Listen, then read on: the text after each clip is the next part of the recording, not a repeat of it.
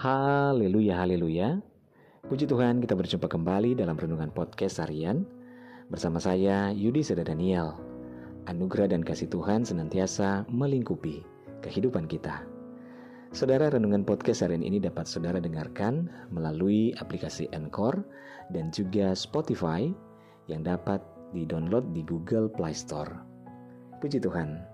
Renungan kita pada saat ini berjudul Titik Terendah Iman Bacaan firman Tuhan dalam 1 Raja-Raja 19 ayat 3 dan 4 firman Tuhan berkata, Maka takutlah ia, lalu bangkit dan pergi menyelamatkan nyawanya. Tetapi ia sendiri masuk ke padang gurun sehari perjalanan jauhnya, lalu duduk di bawah sebuah pohon ara, kemudian ia ingin mati. Katanya, cukuplah itu, sekarang ya Tuhan, ambillah nyawaku.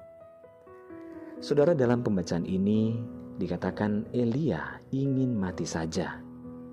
Sang nabi benar-benar berada dalam kondisi iman dan kejiwaan buruk saat itu. Dimusuhi dan dikejar-kejar, bahkan hendak dibunuh oleh penguasa, membuat Elia berada di titik di mana ia merasa ingin menyudahi saja segalanya. Dalam kesendirian Elia meratapi dirinya. Namun ternyata bukan hanya Elia saja, nabi besar yang mengalami hal seperti itu.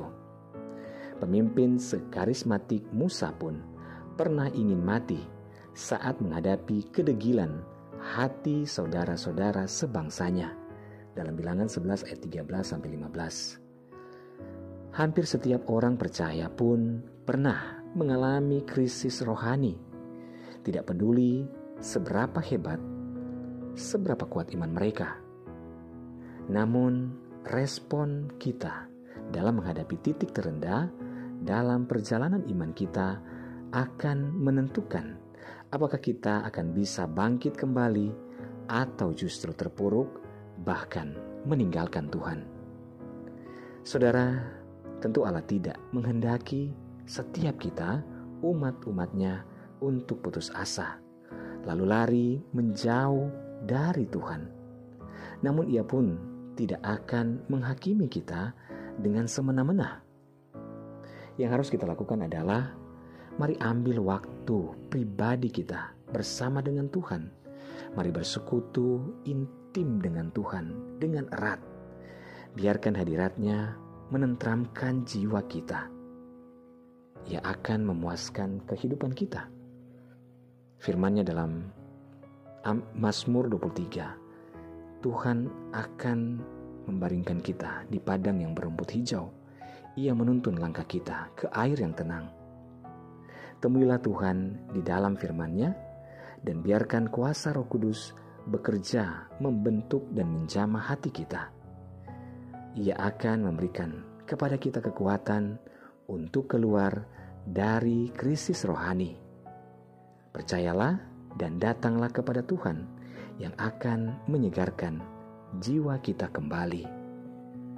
Saudara, hanya dalam hadirat Tuhan, maka kepuasan hati kita akan terpenuhi.